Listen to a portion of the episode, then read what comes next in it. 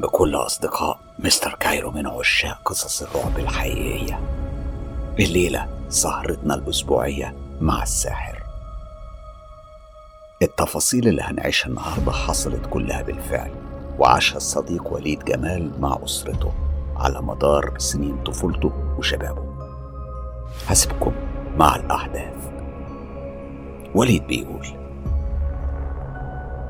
أصدقائي وأهلي وأسرتي وعيلتي الكبيرة عيلة مستر كايرو المبدعين. مساكم جميل. كالعادة أنا مستنيكم من أسبوع وكده يعني كتير بصراحة. المهم ما أطولش عليكم. علشان في ناس كتير طلبت رقبتي. استحليتوا دم يعني في آخر حلقة. فأنا على طول هدخل في الموضوع ومش هضيع وقت. وهكمل عند الحدث الغريب اللي وقفت عنده الأسبوع اللي فات.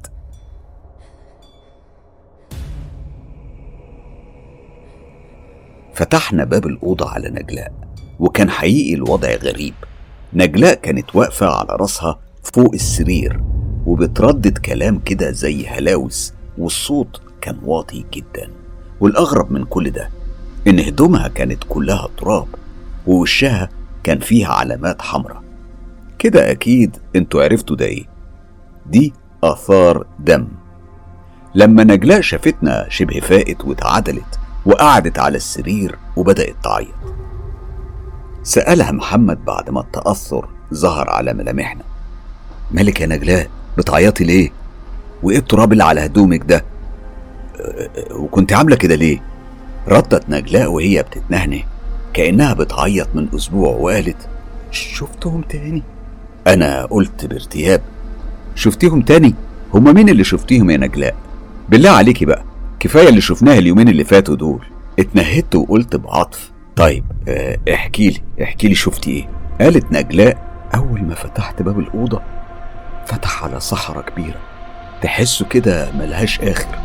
وزي ما حصل قبل كده معايا وأنا صغيرة يعني لو تفتكروا كانت بتترسم على الأرض خطوات رجلين بالدم.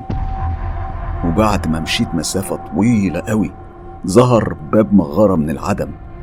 كان مستحيل يكون من البداية في الصحراء وأنا ما شفتهوش.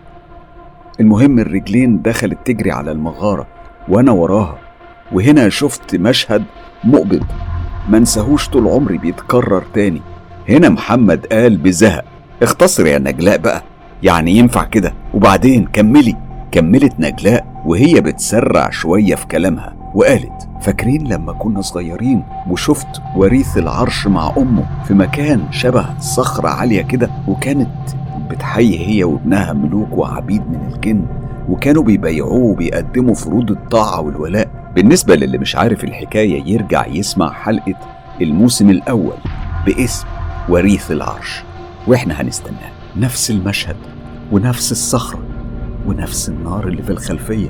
بس كان فيه المرة دي عرش كبير كرسي كان في منتهى الفخامة لونه ذهبي لامع. ده أكيد ذهب خالص مرصع بأحجار كريمة كانت مرصوصة رصة فنية ولا أحسن فنان يعملها. تحسوا كده إن الموضوع كله عبارة عن تابلو جميل لدافنشي. الإيد على شكل راس إنسان بقرون طويلة. وفي نص العرش حاجة كده زي ما تكون مجسم لراس إبليس. قاعد على العرش ملك ضخم. تحسوا إنه أضخم واحد في اللي موجودين كلهم. حتى من ملوك الجان اللي تحت. يمكن كان ضعف حجمهم. واضح إنه كبير في السن بس صحته كانت كويسة بصراحة. وكمان كان في هتافات من تحت باسم غريب. أنا أنا تعبت قوي لحد ما عرفت أفسره. كان اسمه الملك طارش. واضح إنه ملك على كل ملوك الجان. أنا بعد ثواني سمعته بيقول بصوت زي الرعد. الصوت كان يرعب من قوته ويموت من الخوف. ما فاتش وقت طويل يا وريث وحصل ما لا يحمد عقباه. أنا مش عارف إزاي حفيد الملك طارش ملك ملوك الجان العلوي والسفلي ووريث عرشه ويكون بالضعف ده. مهما صغر سنه بدل ما تكون حامي المعبد وكتاب ساجن الأرواح كنت أنت السبب في ضياع ملك أجدادك. من الجن والإنس. الإنس اللي كنا مستعبدينهم طول العمر على الأرض دي. أنت السبب في إنهم هيستعبدونا. وهنا قال بحدة وبصوت كان طالع من قلب الجحيم. أنت السبب في استعباد معشر الإنس الحقير لمعشر الجن العظيم. وكل ده ليه؟ بسبب صداقتك لإنسية حقيرة. اديت عهد وأكيد خانت العهد. وباحت بأسرارنا. وردت عليه الملكة أم وريث العرش اللي اسمها بنت إبليس اللي هي يعني تبقى بنت الملك طارش وسمعتها بتقول بحزم وحق العهود السليمانية الكلام ده مش مظبوط. وأتباعك يا ملكنا العظيم ما قدموش أي مساعدة للوريث من أول ظهور للساحر الحقير اللي سكن الشقة. دمر معبدنا واحتل مكانه هو وأتباعه. لو كنا قاومنا قبل الهروب أكتر من كده ما كناش هنفضل عايشين لحد اللحظة دي. قال الملك طارش وبصوت كان فيه حدة. ده مش معناه إنكم تفرطوا في كتاب ساجن الأرواح اللي كنتم سايبينه في إيد إنسية تحت مسمى عهد بين طفلين. الغلط اللي وقعتوا فيه غلط عظيم والكتاب ده لو ما ظهرش الموت هيكون مصيركم قبل مصير أي حد فينا. والتنفيذ هيكون بإيدي أنا. اتلجلج وريث العرش وهو بيقول ووشه في الأرض أنا قادر يا ملكنا العظيم طارش من إني أسترد الكتاب وبمساعدة نفس الإنسية. ال- الغلط غلطي أنا وأنا اللي هصلحه. وبعدها لقيت الملك بيزعق فيه بعنف وقال كنت حاميته من البداية. انت ضعيف. نص روحك الإنسية بتضعف من قدراتك ومش هفكرك إن من غير الكتاب ده أنت ملكش أي قوة. وحتى في عالمنا أنت ملكش أي قيمة. بالعكس أنت ممكن تكون مثال للضعف والاحتكار والاستعباد. بعدها الملكة قالت أرجوك يا ملكنا العظيم تدينا فرصة تاني.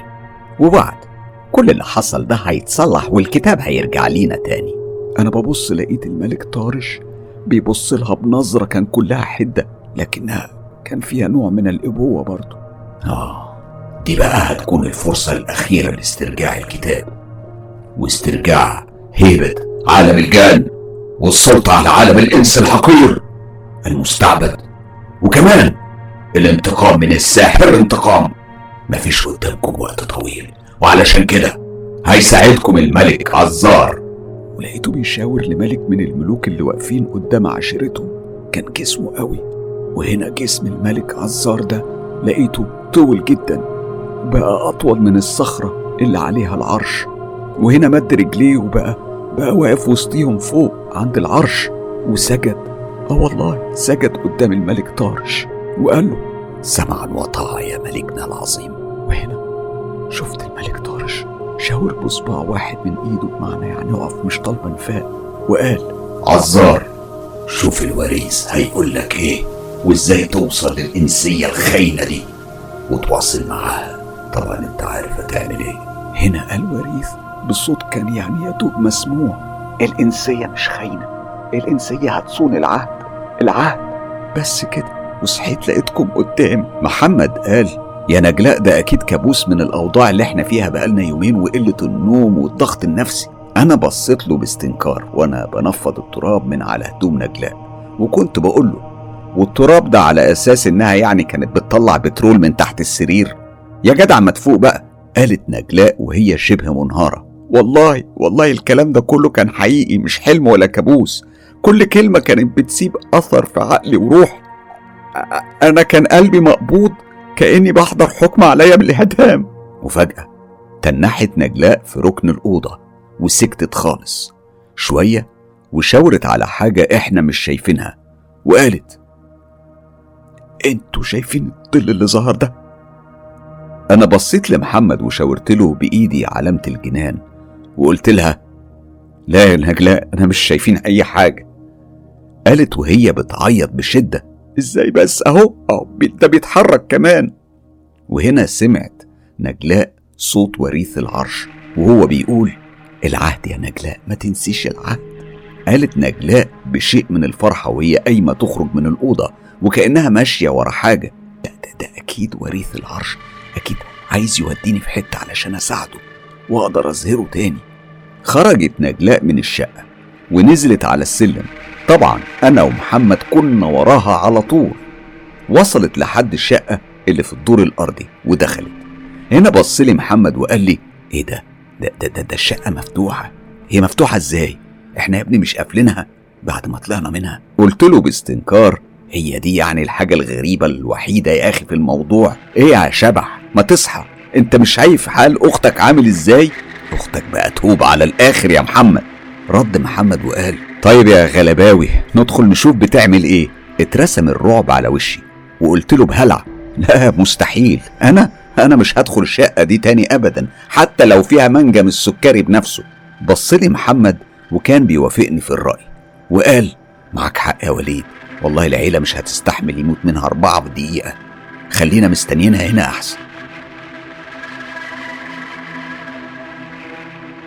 فات وقت طويل وإحنا كنا خلاص هنموت من القلق والرعب خصوصا إن إحنا كنا قاعدين في مركز شباب العفاريت. وبعدين يا وليد نجلاء طولت قوي جوه. قال محمد الجملة دي وهو خايف خوف حقيقي على نجلاء. ما اكدبش عليكم بالرغم إن رجلي كانت بتخبط على الجيران كالعادة بس قمت من على السلم ومعايا محمد. وأخدنا كام خطوة لحد باب الشقة. وقبل ما نفتح سمعنا صوت زئير مرعب مش خارج من جوه الشقة دي. ده جاي من حاجة واقفة قدام الباب لدرجة إن إحنا حسينا بسخونة الأنفاس مع صوته العالي اللي يرعب وكأنه تحذير بعدم التفكير حتى في محاولة الدخول. بعد كام دقيقة تاني وأنا ومحمد ميتين من الرعب على مصير نجلاء أكتر من الكائن الخفي اللي واقف على الباب اتفاجئنا بنجلاء طالعة من جوه كانت مرعوبة وشكلها في حالة هلع وفي إيديها كتاب. تفتكروا ده كتاب إيه؟ أيوه بالظبط ده كان كتاب ساجن الأرواح. اوعوا بقى تنسوا فقرة حمادة. سيبوا اللي في إيديكم بقى وركزوا معايا وانتبهوا علشان اللي فات حمادة واللي جاي حمادة تاني خالص.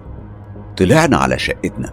وسمعنا أصوات بابا وماما وميسة شكلهم لسه صاحيين وبيدوروا علينا. نجلاء قالت خليكم أنتوا هنا علشان هيعملوا لنا تحقيق. ومش عايزة حد يعرف إن الكتاب معايا. بص محمد على إيد نجلاء والكتاب ما كانش موجود. وقال لها هو فين الكتاب يا نجلاء؟ مش كان معاكي؟ هو فعلا معايا وأنا خبيته. رد باستنكار خبيتيه؟ خبيتيه إزاي؟ ده انت طالعة معانا وهم كلهم يعني كام سلمه دخلت نجلاء تتسحب من غير ما ترد عليه. حظها كان حلو ومفيش حد في الصالة دخلت على أوضتها على طول. بعدها دخلت أنا ومحمد بنتسحب. كان بابا خارج من أوضته وقال بارتياب أنت كنت فين ياض أنت وهو؟ رديت أنا بسرعة أه كنا كنا عند خالد. بقول لكم إيه أنا مش عايز وجع قلب. نهدى كده ونخف شوية من الاحتكاك بخالد ده. وكمل بعد كده بشيء من الحكمة. بصوا يا ولاد اللي يقرب من النار تحرقه. يا ابني انت وهو أنتوا أملي في الدنيا. قال محمد وهو بيخبط على باب أوضة نجلاء. آه, آه, آه إن شاء الله يا بابا خلاص. نوعدك مش هنطلع له تاني. وفي لحظة كنا عند نجلاء في الأوضة وهي ماسكة الكتاب وفتحاه وكانت مبتسمة قوي. قلت لها بقول لك إيه أنا عايز أعرف بالتفصيل أنت جبت الكتاب ده إزاي. محمد قال وعلى وشه علامات العمق. أيوه أيوه أنا فهمت. أنت خبيت الكتاب ده تحت ونزلت تجيبيه. بتشتغلينا يعني. قالت نجلاء بلا مبالاة بطل هبل منك ليه؟ وهاتوا ميسة علشان أنا مش هحكي غير مرة واحدة. كانت ميسة فعلا بتفتح الباب وداخلة وبتقول لنا شكلكم كده بتعملوا مصيبة. أنتوا كنتم فين يا عيال؟ أبوكوا قلب الدنيا عليكم. وبصت لنجلاء وقالت حظك حلو إن أنا اللي دخلت أوضتك. وقلت له إنك كنت نايمة. ردت نجلاء بتلقائية لميسة. حبيبتي والله. المهم قعدنا إحنا الأربعة في دايرة كده وافتكرنا حكايات الرعب اللي نجلاء كانت بتحكيها لنا زمان والنور قاطع لما كنا صغيرين. بس الفرق المرة دي إن قصص الرعب بقت حقيقية وليها ملمس وريحة. حكت نجلاء الجزء اللي فات حكته مرة تانية لميسة ووصلت لحد ما الظل أخدها للشقة اللي تحت وجوه سمعت صوت مختلف تماما عن صوت وريث العرش. بتقول كان صوت شخص قوي غليظ عرف نفسه باسم عزار. بس الأول الأوضة اللي دخلتها ما كانتش فاضية. الأوضة كانت فيها ستاير بيضة عليها كفوف دم وعيون مرسومة عليها بالدم. بتقول إن الدم كان بينقط في الأرض وفي وسط الصالة كان فيه ترابيزة خشب صغيرة عليها كوباية مية ومصحف. صوت عزار قال بصيغة أمر.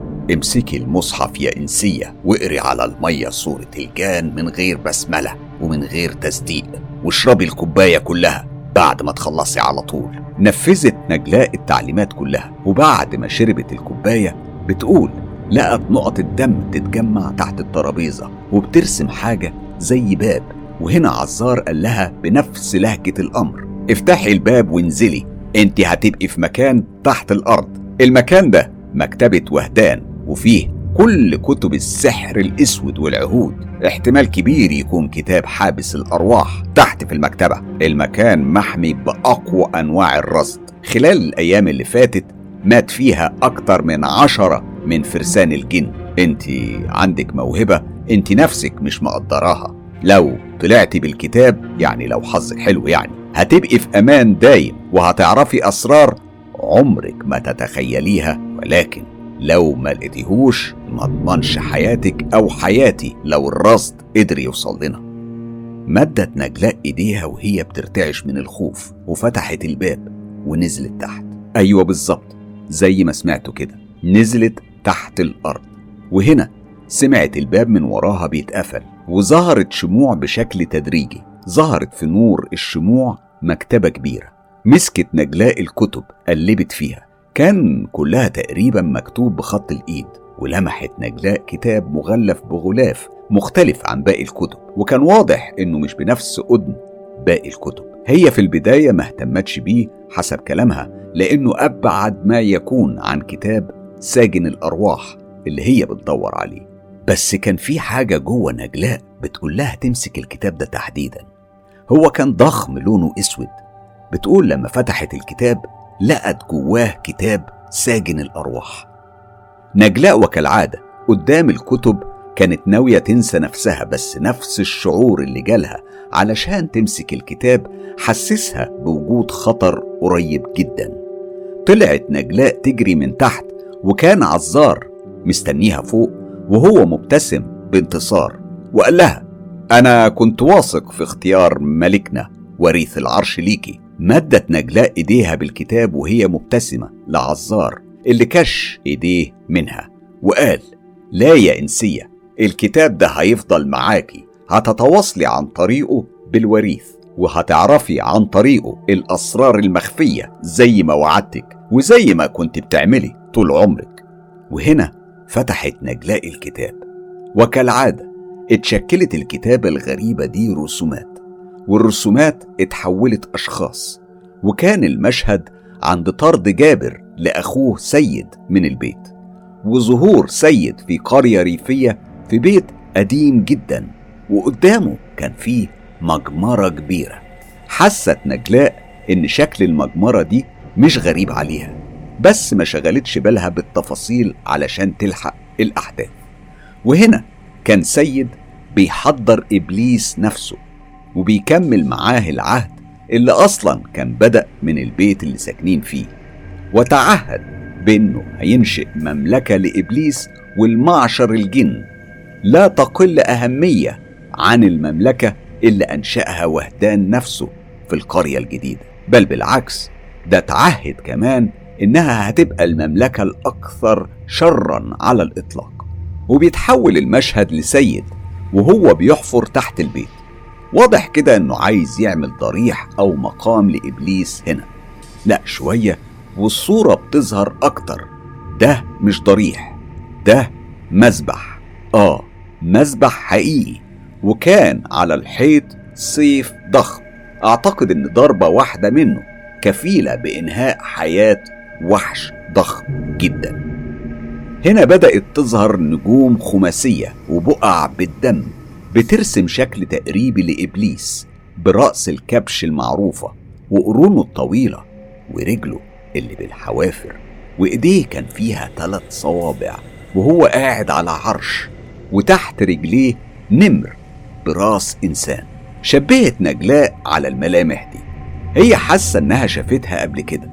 آه الملامح مش واضحة قوي من كمية الدم بس هي حست إنها شافتها وقريب كمان. شكل المذبح كان بيكبر وكمية الدم بتزيد مع الوقت. وبيظهر سيد في واحدة من المشاهد واضح إنه أكبر كام سنة عن المشهد اللي فات وهو مكتف واحدة على المذبح اللي كانت بتنادي وتستغيث على أي حد ينقذها. اتحول الصوات والعويل لاستعطاف لما كانت بتقول حرام عليك يا سيد ده أنا مراتك أم ابنك. مش كفاية كمية الأطفال والناس اللي قتلتهم هنا. ورد عليها سيد بحزم أنا بنفذ أوامر إبليس العظيم. ردت برعب من هول الجملة عليها إشمعنى أنا يا سيد؟ قال بنفس الحزم لأنك مراتي إبليس أمر ناجي عن طريق بنته إنه يذبح ابنه وهو رفض وبكده بيكون عهد وهدان اتنقض ودي فرصتي الوحيدة علشان أرجع ورثي المفقود. وبعدين يعني ده أنت المفروض تشكريني وكمل بسخرية. ده انت هتموتي شهيدة يا شيخ. وبعدين انت عايزة إيه من الدنيا أصلا؟ اللي زيك من الناس اللي ملهاش قيمة أو دور في الحياة سواء بخير أو بشر. لازمتكوا إيه؟ ليه ماسكين في الدنيا كده؟ لا الدنيا هتخسر من غيركم ولا أنتوا بتكسبوا منها حاجة. أنتوا عبارة عن هوامش الحياة بوجودكم ومن غيركم الدنيا ماشية. ضحك ضحكة استنكارية. وكمل. إنما عهدي مع إبليس ورثي المفقود بعد ما ضيعوا جابر المعتوه علشان ابنه هو اللي يستاهل. ردت الست بمنتهى الحزن. معنى كده إن لو إبليس أمرك تذبح ابنك الوحيد هتذبحه؟ سكت سيد لحظات مع ظهور طفل صغير في المشهد وقال بعصبية ولو طلب روحي أنا نفسي هسلمها له ولو طلب روح البلد دي كلها هذبحهم. ده عهد إبليس يا نكرة. ردت الست بقهر الدنيا كله. انت مش انسان ولا حيوان ولا حتى وحش انت الشيطان نفسه.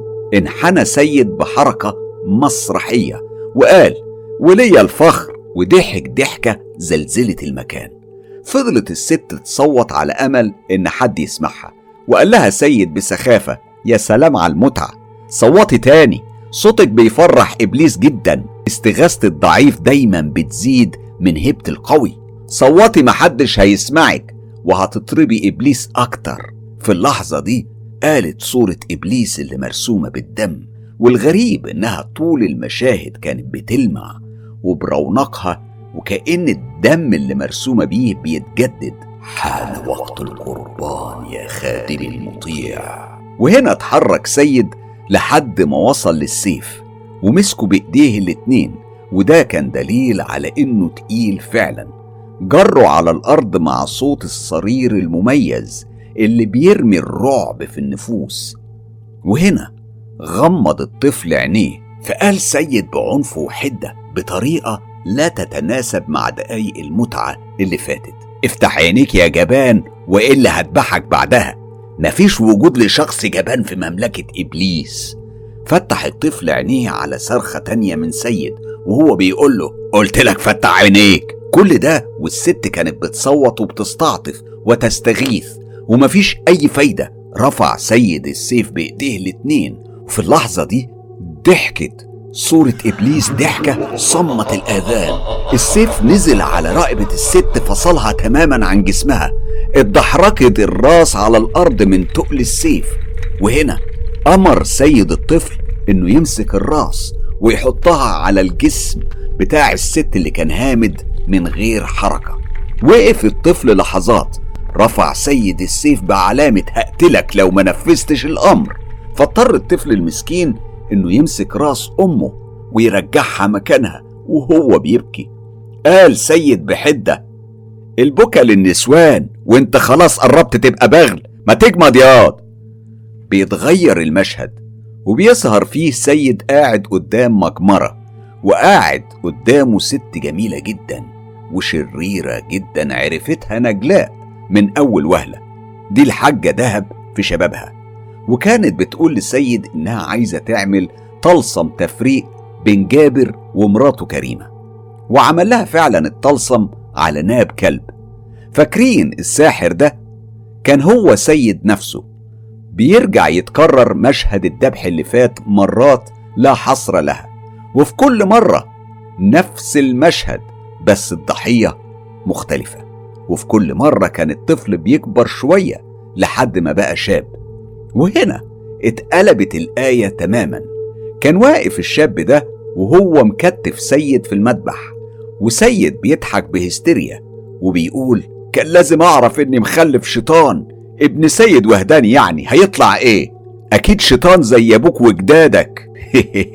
اوعى تكون فاكر إني متضايق أو حزين بالعكس واضح إنك ابن أبوك وتلميذه النجيب اللي هو أصلا تلميذ إبليس الحقير. وهنا قال بصوت عالي وكان موجه كلامه لصورة إبليس. كان لازم أفهم يا حقير من الصورة اللي ابني مرسوم فيها تحت رجليك إنه هيكون خدامك المطيع. كان لازم أفهم إنك ملكش عهد وإنك لعنة بتحرق كل اللي يقرب منها. كان لازم أعرف إن النسل النجس ده هيفضل موجود تحت رايتك وسلطانك لحد ما يفنى.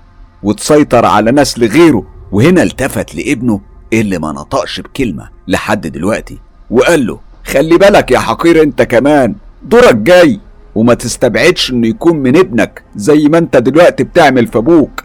ما تفتكرش إن اليوم ده هيكون بعيد مهما عدت عليك السنين خدمة إبليس اللعين لعنة بتلعن حتى سنين عمر الخدام. بكرة أو بعد كام ساعة هتلاقي ابنك بيذبحك. يلا. يلا نفذ فيا حكم الذبح يا حقير. ولا لازم يجيلك الأمر. مشى الشاب لحد ما وصل عند السيف وشاله من مكانه ورجع عند المذبح ورفع السيف وقطع بيه راس أبوه في مشهد مميت. بيتحول المشهد تاني وبيظهر فيه ناس نجلاء تعرفهم كويس جدا. هي أصلا واحدة من الموجودين في المشهد. هي وأنا وبابا وماما ومحمد وميسة والحاجة دهب وحنفي والشقة دي كمان مش غريبة عليها. دي شقة خالد أو عمر. وهنا بيدخل المشهد خالد عند باب الشقة وقال أنا هنا يا حاجة. ما كانتش مستاهلة كل ده. لو استنيتي لحد ما أرجع كنت فتحتلك بالمفتاح. قالها وهو بيرفع المفتاح في الهواء. نفس المشهد اللي حضرناه كلنا اللي مش فاكر يرجع يعيد سماع الحلقة الرابعة من الجزء الثاني باسم سر كتاب ساجن الأرواح. وكمل المشهد زي ما هو بالظبط لحد ما بابا أخذ البطاقة علشان يقرأ اسم خالد. عمر سيد محمد. بس الاسم الأخير مش باين شكله مطموس كده. بس كان واضح جدا لنجلاء الاسم الأخير. كان اسم وهدان. خالد هو عمر سيد محمد وهدان الشيطان اللي قتل أبوه وقدمه قربان لإبليس. هنا نجلاء كانت هتموت من الرعب. نفسها راح وكانت بتشهق علشان تقدر تتنفس. وربطت الأحداث. الطفل كان هو خالد وصورة النمر براس إنسان اللي مرسومة تحت عرش إبليس كانت بتحمل ملامح وشه وهو أصغر من كده. اتحول المشهد تاني فجأة لخالد وهو قاعد في بيت عم نصر وبيعزم من هناك على الشياطين اللي ظهرت كلها وقدمت له فروض الطاعة والولاء. واضح كده إنه قدر يسيطر على الجن اللي حضر مع مريم وهم اللي ساعدوه في فك سحر الفودو. بس المرة دي كان بيعمل تعزيمة على قتل ست اسمها دهب. أيوة هي الحاجة دهب. شبه غابت نجلاء عن الوعي لحظات ولما فاقت لقت نفسها قدامها وريث العرش بنفسه وعلى راسه تاج كبير ما كانش بيلبسه قبل كده. وهنا بكت نجلاء بحرقة وقالت هو كده هيموتنا كلنا؟ طبعا تقصد خالد رد وريث العرش وقال مستحيل طول ما انت معاكي كتاب ساجن الأرواح لو قدرتي تجيبي كتاب الراصد كمان هو مش هيكون له أي سلطة بالمرة. الكتاب اللي معاه مقويه. على العموم هو دلوقتي في خلوة في بيت نصر. ممكن تقدري تجيبي الكتاب من شقته. ردت نجلاء برعب وقالت يعني يعني هو مش هيعرف؟ رد وريث العرش بلا مبالاة وقال لا طبعا هيعرف بس عقبال بقى ما يتصرف أو يحاول يوصل لك هتكوني في بيتك بالكتاب. خلي بالك انت مش على قائمة الذبح ولا القرابين بتاعت عمر. هو لحد دلوقتي بينتقم بس من كل الناس اللي من عيلته وكلهم أصلا ماتوا. ردت نجلاء وقالت لا لسه. الحاجة دهب أنا شفته لسه بيعمل لها حاجة زي تعزيمة كده. رد الوريث بحزم وقال لها بقول لك يا نجلاء كلهم خلاص ماتوا. هتلحقي تجيبي الكتاب ولا هتستنيه لما تبقي معاهم انت واخواتك. ردت نجلاء برعب كان مختلط بحماس في حالة هلع واضحة. لا لا لا هجيب الكتاب. وطلعت من جوه تجري لما كنت أنا ومحمد مستنيينها بره هنعمل إيه؟ ده كان سؤال نجلاء بعد ما خلصت قصتها كلها. وإحنا وشوش خالية من الحياة حرفيا. وشوش متنحة وأفواه مفتوحة وأذان تكاد لا تسمع. ثواني ونجلاء قالت بعصبية. أنا مش بحكي لكم علشان تتنحوا. عايزين نتصرف. أنتوا ما شفتوش الواد ده ممكن يعمل إيه؟ بدأنا نفوق من الصدمة. وهنا قالت ميسة. اسمعوا مفيش غير حل واحد.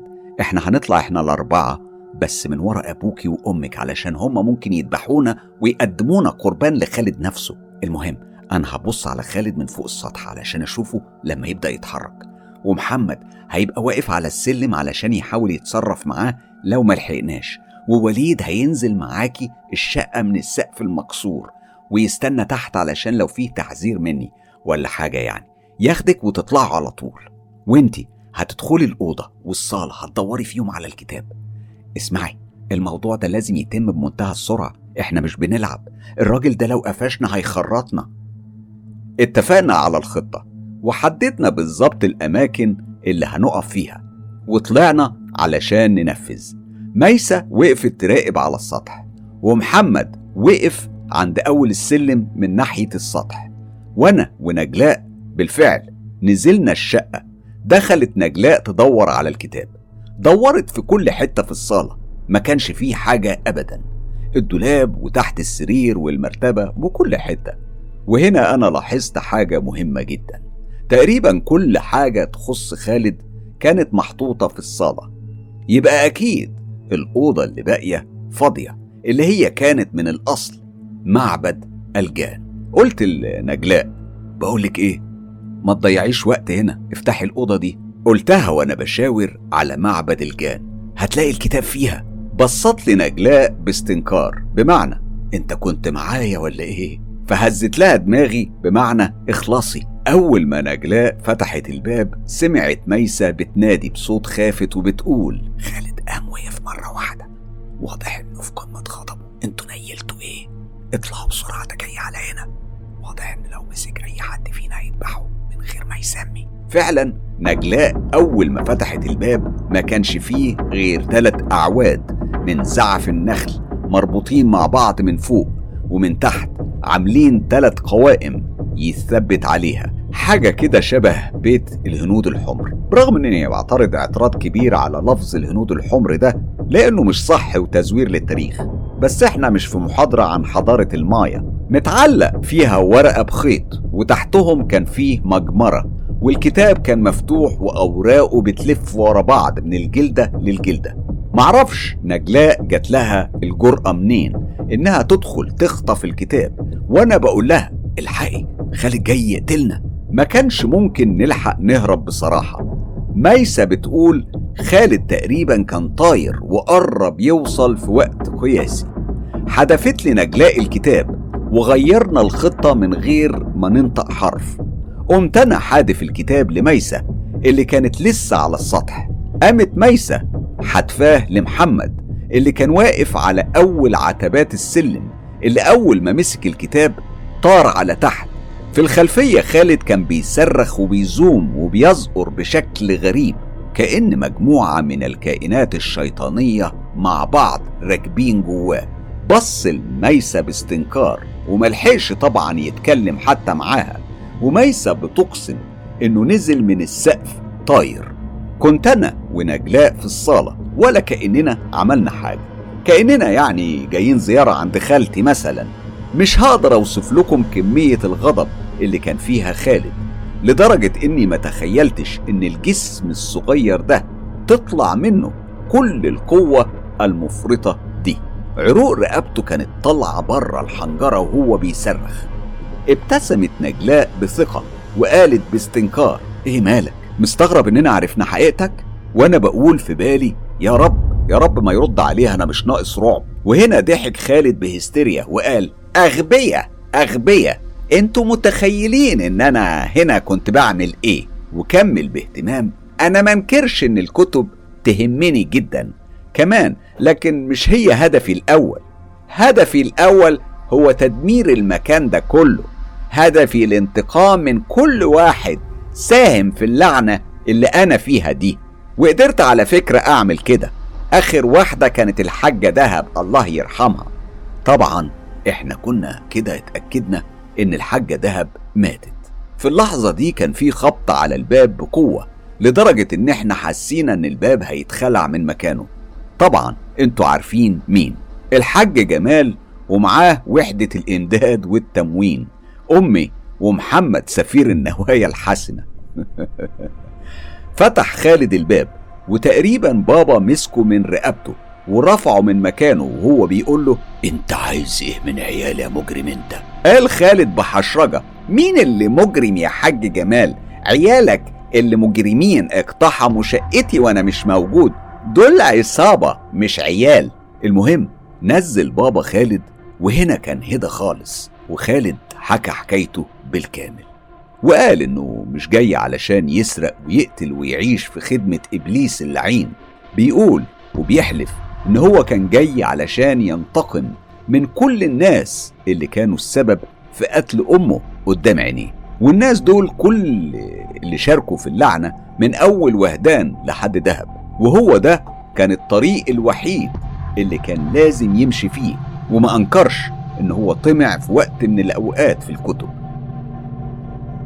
لا إله إلا الله ولا دايم إلا وجه الله. توفيت فجر اليوم الحاجة دهب مرات الحاج جابر وهدان والخارجة بعد صلاة الظهر من جامع محمد أحمد. ده كان صوت المنادي اللي كان بيلف بالعربية بالميكروفون وبيذيع خبر وفاة الحاجة دهب في البلد. ورث الحاجة دهب ولاد أخوها.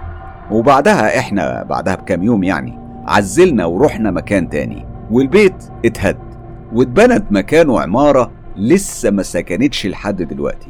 خالد على فكرة أجر الشقة اللي قصادنا في البيت الجديد. ومن هنا اتحولت علاقتنا بخالد لعلاقة أخوة.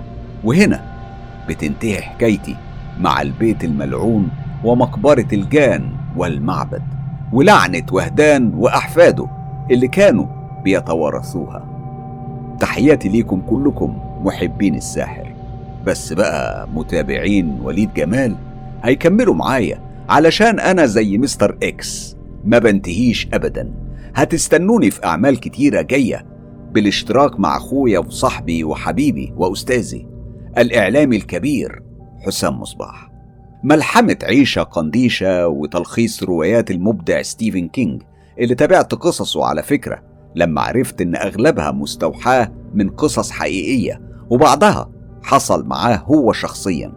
ووعد مني إنها هتعجبكم خصوصا إنكم ولأول مرة هتسمعوها بالشكل العربي اللي بتحبوه مع الصوت اللي بتعشقوه صوت مستر كايرو. أنا بوعدكم بالمتعة المستمرة. في النهاية أحب أشكر كل الشكر صديقي العزيز حسام مصباح إنه اكتشف موهبتي اللي أنا نفسي ما كنتش أعرف عنها حاجة خالص. وشكر حار جدا لأختي نجلاء اللي فضل كبير في كل تفاصيل الحكاية من أولها بيرجع ليها. وبشكر محمد أخويا وتوأم روحي على مرافقته معايا طول العمر. أما أختي ميسة الجميلة اللي عانت كتير بصراحة وإنها قبلت إني أكتب تفاصيل قصتها بمنتهى الوضوح. وأكيد مش هنسى صديقتي العزيزة صباح. لأنها أول من ساندني وأول من شجعني. وطبعا مش هنسى أبدا كل واحد أو واحدة منكم كتبوا كلمتين كويسين عن الساحر أو وليد جمال. بجد أنتوا أجمل حاجة في الدنيا. وليد جمال النهارده بيفاجئنا بالنهاية الغير متوقعة. أنا بصراحة كنت لسه في انتظار حلقات وحلقات من الساحر لكن وأنا بقرا القصة وبسجلها. أنا على فكرة قصص وليد ما برجعهاش. بمعنى إني باخد القصة وبسجلها مباشرة من غير حتى ما أقراها لأني بحب أستمتع زي ما أنتم بتستمتعوا بأحداث القصة واللي بيحصل فيها. تفاصيل حقيقي مرعبة ومخيفة والصعب فيها إنها تفاصيل حقيقية عاشها وليد مع أسرته. حزين طبعا بانتهاء قصة الساحر لكن سعيد بالصداقة الرائعة اللي كسبتها. صديق وأخ غالي بحبه جدا وليد جمال. اللي مع بعض هنكمل في قناة مستر كايرو وفي قناة ميني فيلم مع مستر كايرو. هنكمل من خلال الأفلام اللي هنقدمها ومن خلال قصص ستيفن كينج وغيره والأحداث الحقيقية اللي هنخصص لها. كل يوم أربع هيبقى خاص لوليد جمال. أصدقاء مستر كايرو محبي قصة الساحر. بوعدكم. قريب جدا هتنزل كل حلقات الساحر في ملف واحد طويل. مدته أكيد هتعدي العشر ساعات. كل حلقات الساحر من الحلقة الأولى لحد الحلقة التسعة عشر هتكون موجودة في الملف. ممكن تسمعوا القصة بالكامل وهكون مخصصها للناس اللي بتحب الملفات الطويلة. أكيد ملف هيستنوه ناس كتير جدا. أنا أولهم. الملف هيكون مختلف عن كل الملفات اللي فاتت. هتلاقوا في خانة الوصف تقسيم كامل لكل الحلقات بحيث وانت بتتفرج تقدر تختار الحلقة اللي تحب تتفرج عليها بالضغط على اسم الفصل. يعني هيكون معانا 18 فصل للقصة كل المطلوب انك تضغط على رقم الفصل اللي تحب تسمعه. كل الفصول والتقسيم ده هيكون متاح في خانة الوصف. ده طبعا هيسهل عليكم كتير لما تحبوا تتابعوا القصة وتبدأوا آه، تسمعوها مثلا من الفصل الأول. حابين بعد كده وصلتوا مثلا الفصل الخامس بعدها بأسبوع عايز تكمل ممكن تسمع من الفصل السادس وهكذا. أتمنى إن الفكرة تعجبكم ودايما خليكم معانا على قناة مستر كايرو.